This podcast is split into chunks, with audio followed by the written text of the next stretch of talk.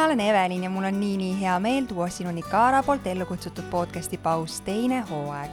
koos oma teise lapse ootusega kulgen neis saadetes koos spetsialistidega just raseduse teemadel, et pakkuda sulle toetust ning teadmisi sel erilisel eluperioodil tänases saates on külas nahaarst Ulvi Loite, kellega räägime rasedusaegsetest nahamuutustest, üldisest nahahoolitsusest ning venitusarmidest ja sellega haakuvatest müütidest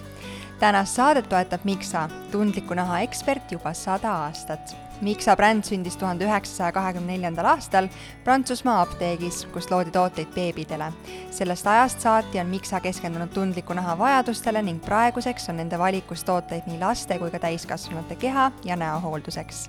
kõik Mixa tooted on loodud meditsiinilise kontrolli all ning on hüpoallergeensed. aktiivainete valikul on silmas peetud nende efektiivsust, samas tõestatud sobivust tundlikule nahale. talveperioodil vajab nahk kindlasti lisahoolitsust ja toetust. Mixa kõige uuemad multifunktsionaalsed kreemid sobivad kasutamiseks nii näol, kehal kui kätel. kreemid sisaldavad rahustavaid ja toitvaid koostisosi nagu uurea, niatsinamiid ja ülitundlikule nahale mõeldud oomega rasvhapped ning pantenool Mixa hooldab hellalt kogu pere nahka. toodetega saad tutvuda suuremates Selveri ja Coopi kauplustes. head kuulamist! tere, Ulvi! tere! kui ma meenutan oma esimese lapse ootust ja õigemini veel selle algust, esimesi, sellele teadasaamise järgselt esimesi päevi, nädalaid, siis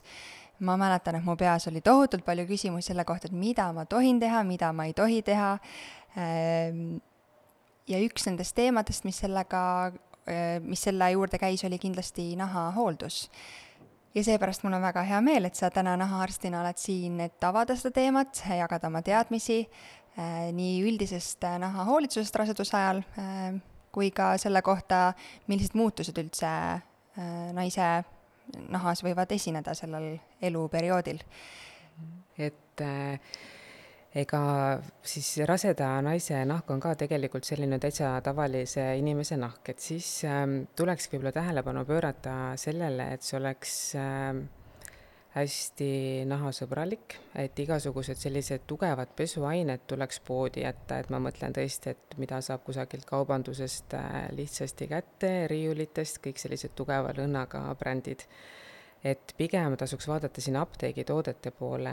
ja mida ma kindlasti tahaks soovitada, on siis need sellised seebivabad äh, nahapesukeelid, dušikeelid, dušikreemid ja õlid. et äh, raseduse ajal tõesti nahk võib noh, talveperioodil eriti minna natuke kuivemaks, aga see tegelikult tabab äh, kõiki inimesi, kes siin meie kliimas elavad, et on kütte tõttu õhk kuiv, vesi on kare, päikest ei ole, riided on seljas et see kõik mõjutab nahka, et siis on tõesti apteegis olemas sellised tooted, kus ei ole seepi sees. Ja hästi hea on see, et need sobivad ka beebidele pärast, mm. et äh, beebit on ju ka vaja millegagi pesta, et siis äh, tasubki valida sellised võimalikult lõhna ja säilitusainete vabad tooted. Kas midagi näonaha puhul spetsiifilisemalt on, mida näonaha äh, hoolitsuses tuleks silmas pidada? Eh, no näonahaga on tõesti nii, et tänapäeval on hästi popiks muutunud igasugused eh, noorendavad ja vananemisvastased kreemid. et nendega peab ettevaatlik olema, et eriti on selline kreem, eh, sellised kreemid, mille sees on retinool. et see on siis tegelikult kuulub ravimite hulka, see on üks A-vitamiini derivaat, meditsiinis me kasutame seda akneraviks ja sellele on leitud, et kui süsteemselt kasutada, siis võib lootel arenguhäireid tekitada ja lokaalse kasutamisega on äh, nii, et seda praegu ikkagi soovitatakse vältida, et eriti kui kasutusperiood on äh, pikk, et siis raseduse ajal sellele tuleks kindlalt ei öelda. aga mm, no muudest toodetest, et võib-olla C-vitamiin ja mingid sellised vitamiini, kõrge vitamiinisisaldusega seerumid ja sellised hüaluroon, hüaluroonhappetooted, et need on tegelikult kõik lubatud. et neid vältima ei pea ma võib-olla nüüd rutan natukene ajas ette, aga kas mm. kõik need soovitused, mis käivad meil praegu siin saatest läbi äh, või üleüldse teadmised ja mõtted äh, rasedusaegse nahahoolduse kohta jätkuvad ka imetamise ajal? Äh, tegelikult ei, imetades on rohkem lubatud, aga seal on ka nii, et kui nüüd võtta see ravimiinfo leht lahti, et kui me kirjutame välja retsepti sellele retinoolile, et siis seal on ikkagi kirjas, et kaaluda kasu ja kahju suhet ja pidada nõu arstiga, aga tegelikult on nii, et keegi ju rasedaid ja imetavaid äh, naisi testida ei saa, et seda peetakse ebaeetiliseks, et meil on mingisugused loomkatsed, aga mm, noh, ma leian, et peale sünnitust siis võib ka võib-olla natuke vabamalt selle näohooldusega võtta, et ikkagi peale imetamise lõpetamist siis uuesti selle retinooli sinna enda näohooldus rutiini tagasi lülitada Lähme hästi selliste juurte juurde tagasi, kuidas sa nahaarstina näed või, või mm, silmas pead, kas äh, kõik naised peaksid käima äh,, sünnimärgid on eraldi teema, mille juurde ma tahan kohe jõuda mm., aga kas peaksid käima regulaarselt nahaarsti juures kontrollis või tuleb äh, arsti juurde pöörduda siis, kui äh, on midagi, mis muret tekitab ja seda just äh, siis igapäevase nahahoolduse vaates, et äh, keegi, kes aitaks äh,, ma ei tea, öelda, et äh, see, mis sa teed, on jätkuvalt hästi ja äh, jätka samas vaimus või võib-olla tuleb siin ja siin muudatusi teha? No kui kõik on hästi, siis ikkagi ei ole vaja, ma arvan, arsti juurde tulla, et see on selline tülikas ja võib-olla natuke Eh, kurnav. ja ressursi raiskamine ilmselt ka. just, aga kui kõik on hästi, enesetunne on hea, kusagilt ei sügele, ei ole mingeid punaseid laike ja ketendust, et siis võib rahulikult oma rutiiniga jätkata, eks. aga kui tekib probleem, et midagi kuskilt sügeleb, ketendab, et siis sellisel juhul tuleks kindlasti arsti juurde pöörduda, et noh, kõige lihtsam võib-olla asi, mida kodus ise saab ära teha, on valida mingisugune lihtne apteegis siis mingisugune niisutav kreem, jälle selline, kus ei ole lõhnaaineid ja noh, nii-öelda testitud kreem, sellega proovida neid kuivi punaseid laike ravida, aga kui see ei aita, ütleme, et ravida seal nädal või kaks, et siis võiks tulla nahaarsti juurde näitama ehk siis, kui kõik on hästi ja justkui mingisuguseid igapäevaseid probleeme ei ole, mis vajaks arsti tähelepanu, siis kas sa võiksid välja tuua sellise lihtsa ja selge nahahooldusrutiini, Äh, sa tõid välja seebivaba äh, puhastusvahendi mm, -hmm. niisutava kreemi, aga kas -hmm. ma ei tea, tavapärase keskmise eestlase naha puhul on vaja midagi, ma ei tea, seerumeid või õlisid või mis iganes veel lisada sinna rutiini hulka? kas siis näonahale või kehale? räägime mõlemast mm. -hmm. no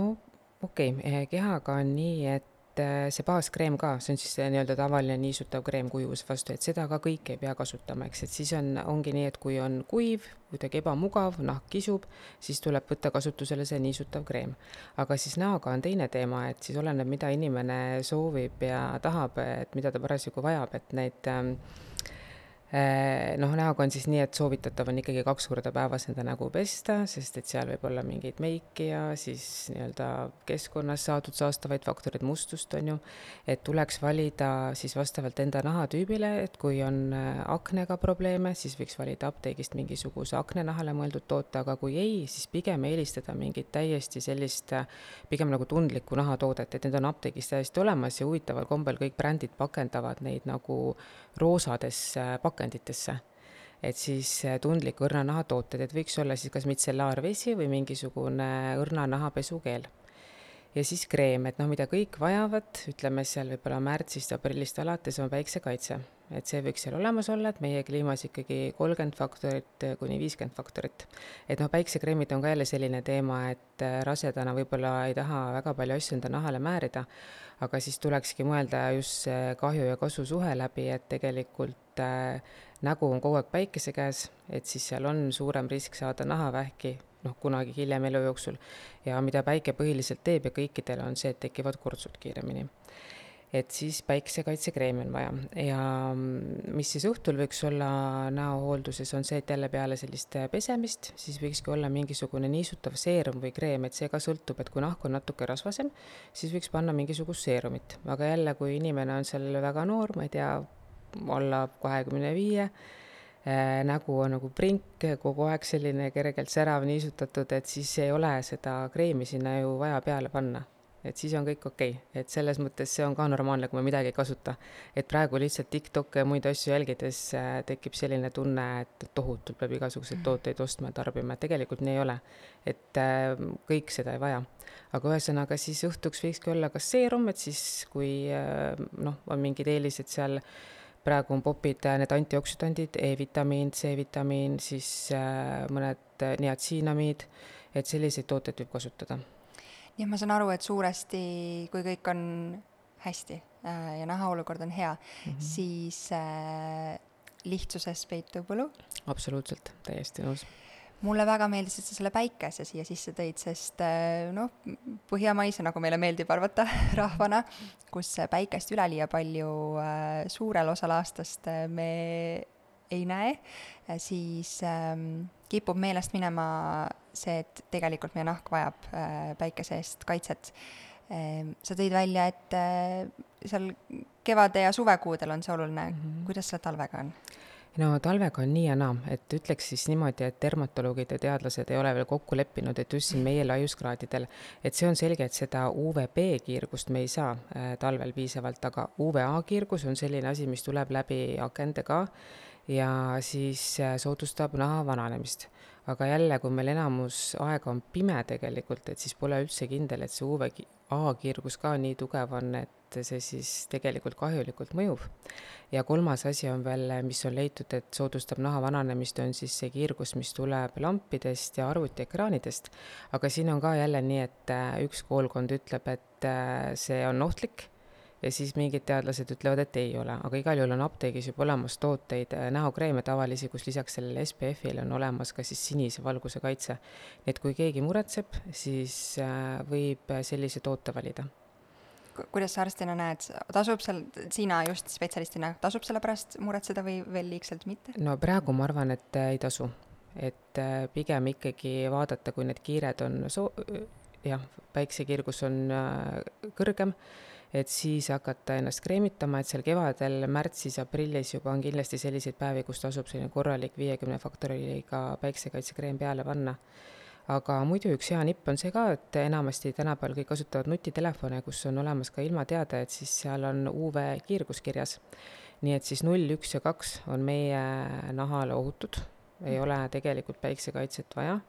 aga kui see kiirgus on juba kolm seal, siis tuleks äh, igal juhul ennast päikese eest kaitsta. et see siis äh, on oluline ka pärast, kui beebi sünnib, et äh, noh, seal üldse esimesel aastal-kahel ei soovitata ju otsese päikese käes olla, aga et laste nahka tuleb ka kaitsta, et siis see on hea koht, kus vaadata, et mõnikord on lihtsalt väga palav päev, on tunne, et ma pean panema tohutult kreemi, aga tegelikult võib see UV-indeks olla seal noh, turvaline. et siis jälle jääb see etapp vahele ja on palju mõnusam, mugavam, kui ei pea kreemitama väga head teadmised. Äh, mul meenus sellega üks äh, asi, mis äh, ma arvan, et sotsiaalmeedias kuskil ringles minuni mõni aeg tagasi, et värsked emad, kes käivad beebidega ringi kärutamas seal kevade esimeste päikestega, ähm,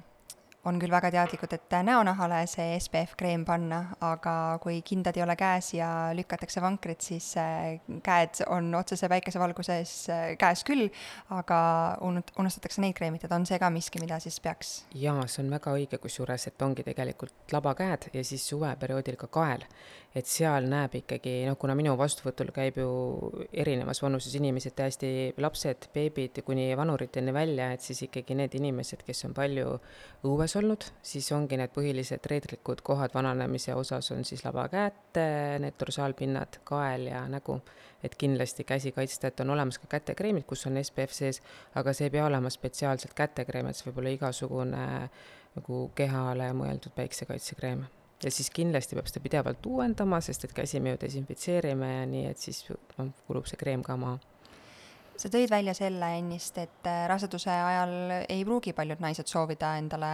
tohututes lademetes erinevaid tooteid äh, nahale kanda ja ja see lihtsuses peituv võlu kehtib ka siis, eks ole. aga kuidas sa suhtud, ähm, ma ei tea, sildiga looduslike toodetesse, ma just mõtlen päikesekaitse aspektist, et äh, ma ise Äh, olen sinuga sama meelt ja olen oma uurimistöö teinud ja kuidagi alati äh, päikesekaitsetooted ja ka paljud teised nahahooldustooted äh, kutsuvad mind või ootavad mind just apteegis, aga ähm, mm, sellised looduslikud, ma ei tea, vaarikaseemneõli, mis lubab olla päikesekaitsefaktoriga mm, need vist ei ole sel perioodil või üleüldse äh, ma arvasingi, et nüüd sa küsid seda Vaarika seemneli, sest et see käib ikka läbi. aga tegelikult tõesti, seal on see SPF mingisugune on sees, porgandõli ka, et ütleme neli umbes, aga no tegelikult on see siis täiesti mõttetu, et äh, samasugune kogus ju kulub ära koos oma siis kõikide emulgaatorite, lisa- ja säilitusainetega, et see kreem oleks vedel ja kasutatav. et äh, noh, nahakaitse mõttes on see täiesti pointless, et see on ka tõsi, et need päiksekaitsekreemide, need aktiivained siis, mis nagu päikesest kaitsevad, on erinevad, et seal osas tasub ka uurida ja no ütleme, et tegelikult rasedatele ja siis beebidele ongi turvalisemad need nii-öelda lastekreemid, mis on füüsikalise blokaatoriga. et see töötab siis nii, et kui see päiksekiir tuleb, siis ta peegeldab nahapinnalt tagasi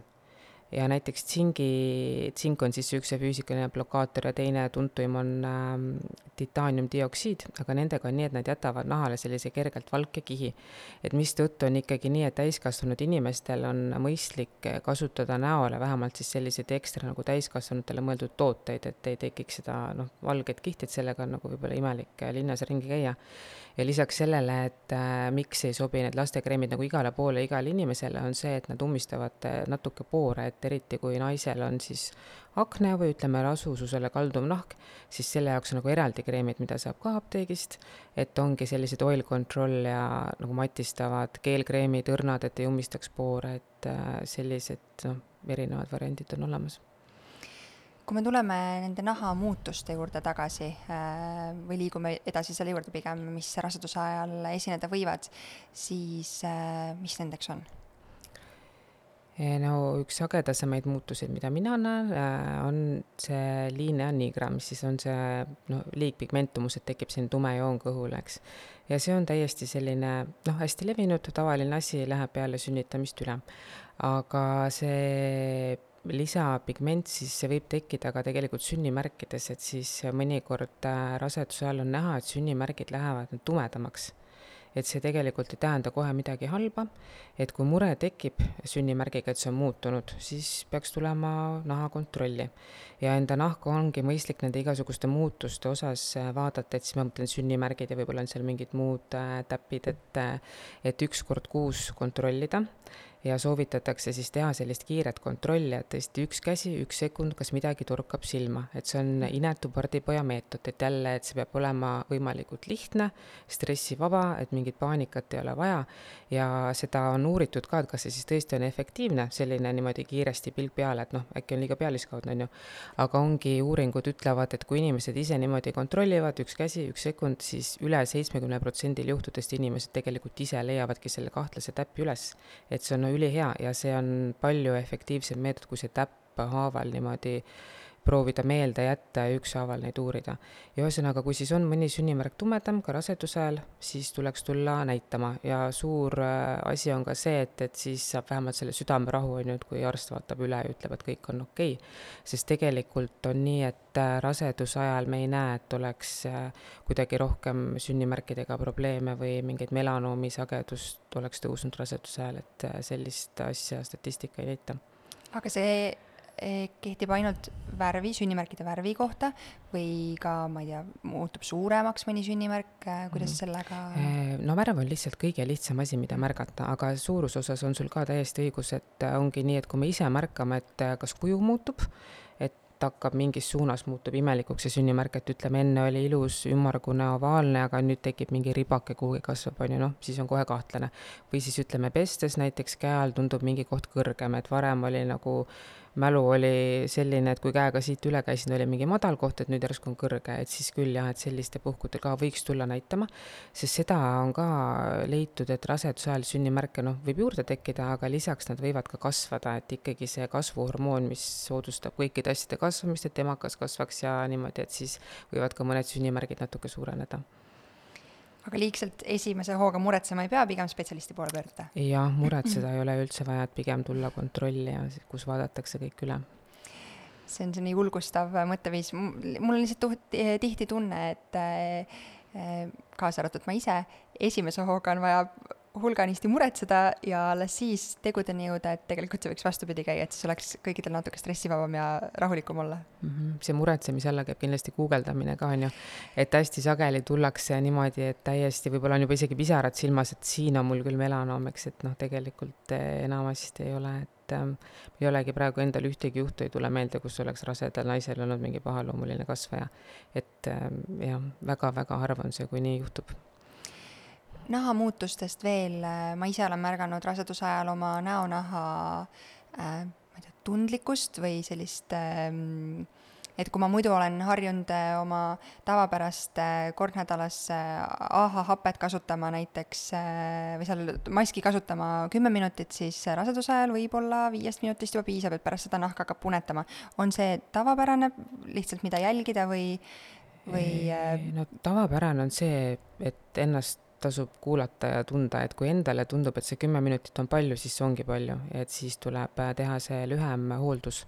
et äh, jah, võib-olla nahk äkki läheb kuivemaks siis, et äh, äkki selle, no enamasti ongi kõik need ärritused ja sügelused tekivad tegelikult sellest, et nahk läheb kuivaks, et seal ei olegi mitte mingisugust nagu haigust taga, aga lihtsalt noh, keskkond mõjutab, on ju, meie kliima, võib-olla me ise ka ju oleme iga päev isegi natuke erinevad, et et tasub siis tähele panna ja ennast usaldada, et kui tundub, et on liiga kange toode, siis kas teha paus või teha lühemalt ja siis tasapisi jälle proovida tagasi tulla oma selle normaalse rutiini juurde. on mingisugused äh, ma ei tea, kas haigused on õige sõna, aga sellised probleemid, äh, mis just raseduse ajal võivad nahal esineda ja millega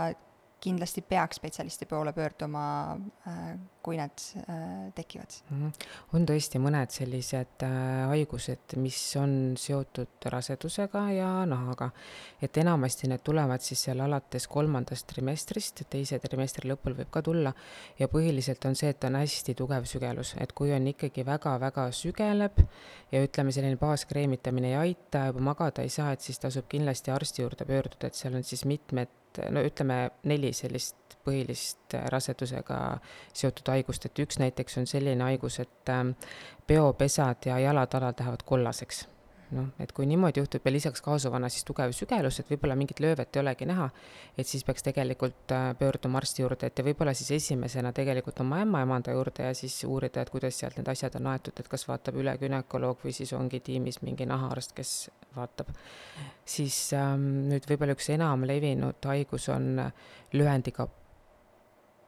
PEP, et varem oli selline nimi pupp, kui guugeldada, et see on siis äh, raseduse äh, aegne eksematoosne sügelus põhimõtteliselt eesti keeles, et tähendabki seda, et nahk hakkab sügelema, põhiliselt kõht, jälle see kolmanda trimestri algus ja siis tekivad ka mingisugused lööbed, et laigud, täpid, paapulid, et see on ikkagi nähtav sügelus. ja siis äh, veel üks sagedane asi on siis äh, selline nagu atoopiliste tunnuste lahvatamine või selline, et tekibki, tekivad ka jälle kuivad sügelevad laigud, need võivad tekkida igale poole nahale, et noh, põhiliselt tekivad nendel inimestel, kellel lapsena on diagnoositud siis atoopiline dermatiit, mis on ka siin meie kliimas äh, järjest nagu tõusutrendis olev haigus, et äh, selle puhul ongi nahk hästi kuiv, äh, punetavad laigud, sügeleb niimoodi, et tõesti inimestel on küünejäljed, et naha peal näha ja see mõjutab siis oluliselt pune kvaliteeti ja seda ka kindlasti, et, et tasub pöörduda arsti juurde selliste asjadega ka, et rasedad kindlasti peavad saama magada, et see on normaalne, et, et kui me ei maga, siis need nahaasjad lähevad nagu veel hullemaks, rääkimata enda sellisest meeleolust ja kõigest, mis sinna emotsioonidesse puutub. ja neljas haigus on eriti harv siis, mille puhul ka tekib see tugev nahasügelus ja võib-olla siis mingeid villikesi, et kui ikkagi rasedal on nii, et sügelus, lööve punetus, et siis kõik need korraga on ju, eriti see tugev sügelus, siis kindlasti peaks nahaarsti juurde pöörduma, et või ka siis oma günekoloogi või ämmaemanda juurde, et kindlasti ei tasu jätta seda unarusse niimoodi oodata, et see ise üle läheks, et abivahendid on olemas. üks teema, mis ma veel täna väga tahaksin siia saatesse sisse tuua ähm, ja mille kohta mul ma ei saa öelda, et mul on natukene tugev enda arvamus, aga ma lihtsalt näen, et justkui eh, jaguneb eh, info kahte leeri eh, ja see on, see puudutab venitusarmide tekkimist raseduse ajal. üks on siis see Leer, ma ei tea, kas see on tugevalt turunduskampaaniad ja brändid, kes selle eest seisavad, et venitusarme on võimalik ennetada, selleks on suurepärased tooted ja kui neid kasutada, siis neid kindlasti ei teki. ja siis on see teine pool, kus ma natukene tahaks arvata, et ma ise positsioneerun, et et jaa, me saame oma naha jaoks, nii nagu kogu see saade siin ka välja on toonud, väga palju ära teha, aga samas vist venitusarmid ehk striiad on see ja, õige ja. nimetus mhm. mm, -hmm. natukene määrab nende tekkimise meie geneetiline pool mm. -hmm. kuidas siis nendega on? no ongi sinul õigus, et, et äh, hästi oluline sellest riiade tekkes on geneetika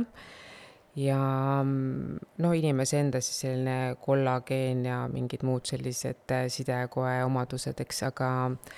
ja see osa on ka täiesti õige, et see on tohutu turundus, mis tehakse nende igasuguste rasedusaegsete armide ennetamiseks ja vältimiseks, et tegelikult mitte mingisugust teaduslikku tõestust ei ole, et on mõnda asja konkreetselt uuritud, on leitud, et see cocoa butter, mis on siis kakao või mm -hmm. on ju oliivõli, et need asjad, et nendel ei ole absoluutselt mitte mingisugust toimet äh, nendele no rasedusarmide ennetamiseks. aga põhimõtteliselt need uuringud on, äh, uuringuid on vähe ja need on halva kvaliteediga. et äh, noh, ongi need tooted siis, mida pakutakse rasedatele, on kõik nii-öelda käsimüügitooted, et seal ei ole arsti soovitusi vaja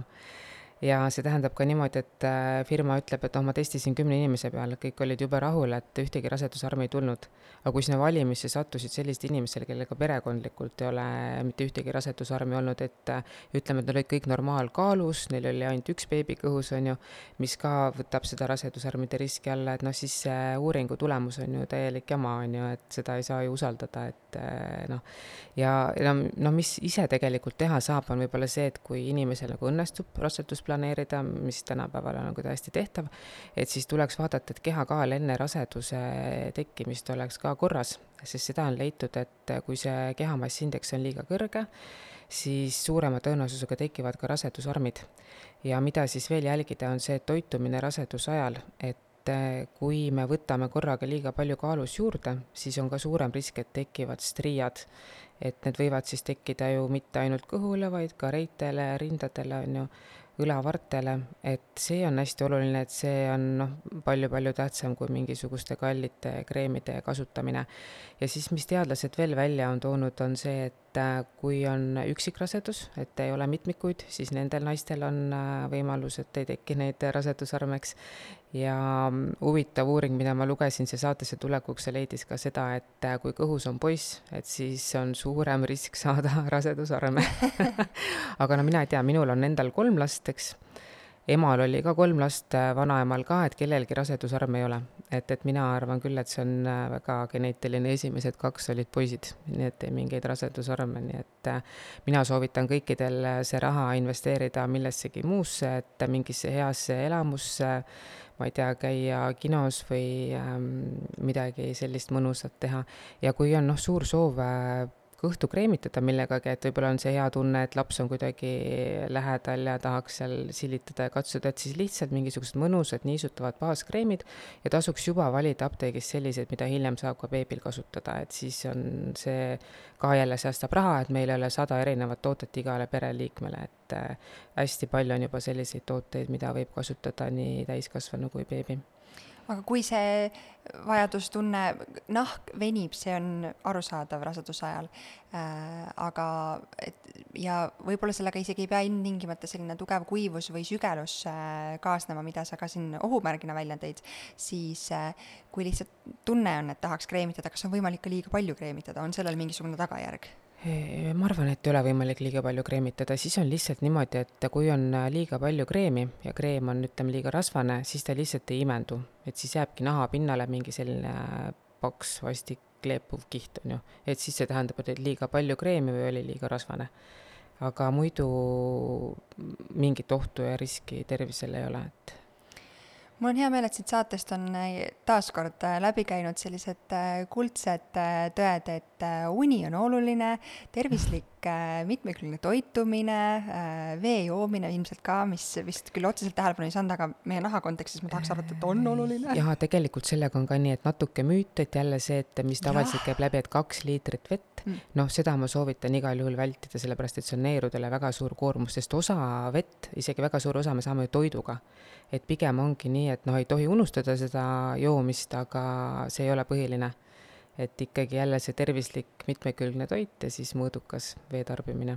Suurepärane, aga et just need, need lihtsad asjad ja see mhm. ka oma nahahoolduse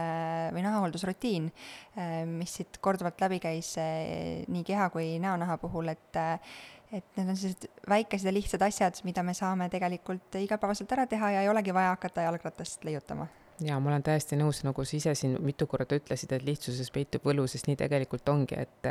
noh, kui on esimene beebi, siis tundub võib-olla, et aega on nii palju ja ma jõuan kõike teha, oma sadat kreemi panna sinna näkku ja pärast need maha pesta ja veel viit toodet kasutada, eks, et siis kui perre sünnib juba teine laps, siis noh, kõik teavad, et see on väga intensiivne periood, et siis on hea meel, kui noh, meigigi jõuad maha võtta, kui sa selle üldse peale jõudsid panna. et, et siis see on ka hea, kui on mingid lihtsad äh, sisse harjunud äh, teed, et ongi lihtne näopuhastus, lihtne üks kerge kreem, et seda võib-olla ikka jõuab teha ja see on oluline suurepärane, aitäh sulle, Ulvi, nende jagatud teadmiste ja mõtete eest. on midagi, mis, mis sa tunned, et veel tänasest saatest välja jäi või midagi, mis on oluline välja tuua? Eh, jaa, ma mõtlen küll, et äh, kui ma nüüd enda patsiente vaatan, et siis on nii, et kui see beebi on juba käes, et siis äh, tuleb äh, emal enda peale ka mõtlema hakata, et nagu rohkem, noh, rasedusel on muidugi ka väga oluline enda peale mõelda, aga et siis valitsevad teised riskid. et vastsündinu eest peab hoolitsema ja hästi sageli tähendab see seda tohutut kätepesu, et desinfitseerimist ja siis jälle pesemist niimoodi, et noh, kümme korda päevas või viisteist saavad need käed märjaks ja mina näen hästi palju seda, et sellest tekib äh, ekseem, mis tähendab, et on äh, nahk kätel läheb punaseks, hakkab ketendama, sügeleb, võivad isegi mingid lõhed tekkida, mingid verised koorikud. et siis äh, selle vastu võitlemiseks on ka jube hea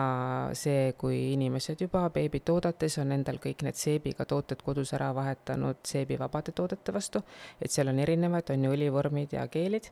ja siis, et on olemas kodus mingisugune hea baaskreem et äh, ka jälle soovitaks võtta apteegist sellist, mida saab kasutada beebil ka. Ja siis äh, soovitangi, et kõikidel siis hästi palju neid käsi kreemitada ja mida ma veel ka soovitaks, et äh, ikkagi neid beebi eest hoolitsemise kohustusi enda partneriga jagada, et noh, elu näitab ikkagi, et rase, tähendab siis naistele mõju, nahale, kätenahale mõjub beebi saamine oluliselt halvemini kui meeste kätele ja siis üks asi veel, et kui siis beebid on ju, või noh, siis nad ei ole enam beebid, on väiksed lapsed on suuremad ja siis mängitakse nendega põrandal, et siis hästi sageli naistel tekib see küsimus, et miks mul on sealt hüppeliigest eespinnalt või siis ka põlvedelt on nagu nahk paksenenud, võib-olla selline kollakas, hästi kuiv on ju, tekib mingi mure, et äkki on tõsine nahahaigus, aga see tuleb ka lihtsalt sellest, et naised mängivad lastega põrandal, on see palju rohkem kui mehed ja see on selline organismi kaitsereaktsioon, et äh, nende põlvedel ja hüppeliigest eespinnal on vähe nahka, ja siis on kaitsereaktsioon see, et oh, et siit kulub, et peab juurde tootma, et sellepärast ka see nahk pakseneb. et see ei ole ka midagi hullu, ei pea muretsema, see läheb üle, eh, kui põrandal mängimine lõpetada on see siis äh, alternatiiviks on vaiba ja mängumati peal mängimine või, või lihtsalt sage äh, asendimuutus ja kreemitamine? mõlemad on õiged, võib-olla kreemitada isegi nii väga ei ole vaja, aga et ongi mingi pehme alus, et just need kõvad äh, kohad saaksid toetatud, et need põlved ja hüppeliigesed ja siis see asendi vahetamine, et see on väga õige, jah. Hästi. Äh,, aitäh sulle nende teadmiste eest, ma usun, et äh, kui, kui oleks olnud selline saade või ma oleksin selleni jõudnud äh, enne esimese lapse ootust, siis äh, väga paljud küsimused ja guugeldamised oleksid saanud juba vastuse ähm,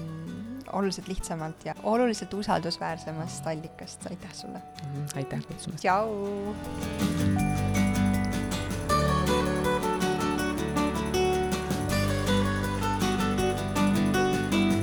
Saate tõi sinuni Kaara, sinu partner personaalseks raseduskogemuseks. Kaara äpp on kõige populaarsem rasedusrakendus Eestis, mida kasutab iga teine lapseootel naine. kogu info äpi ning Kaara heaoluteenuste kohta leiad kaarahealth.io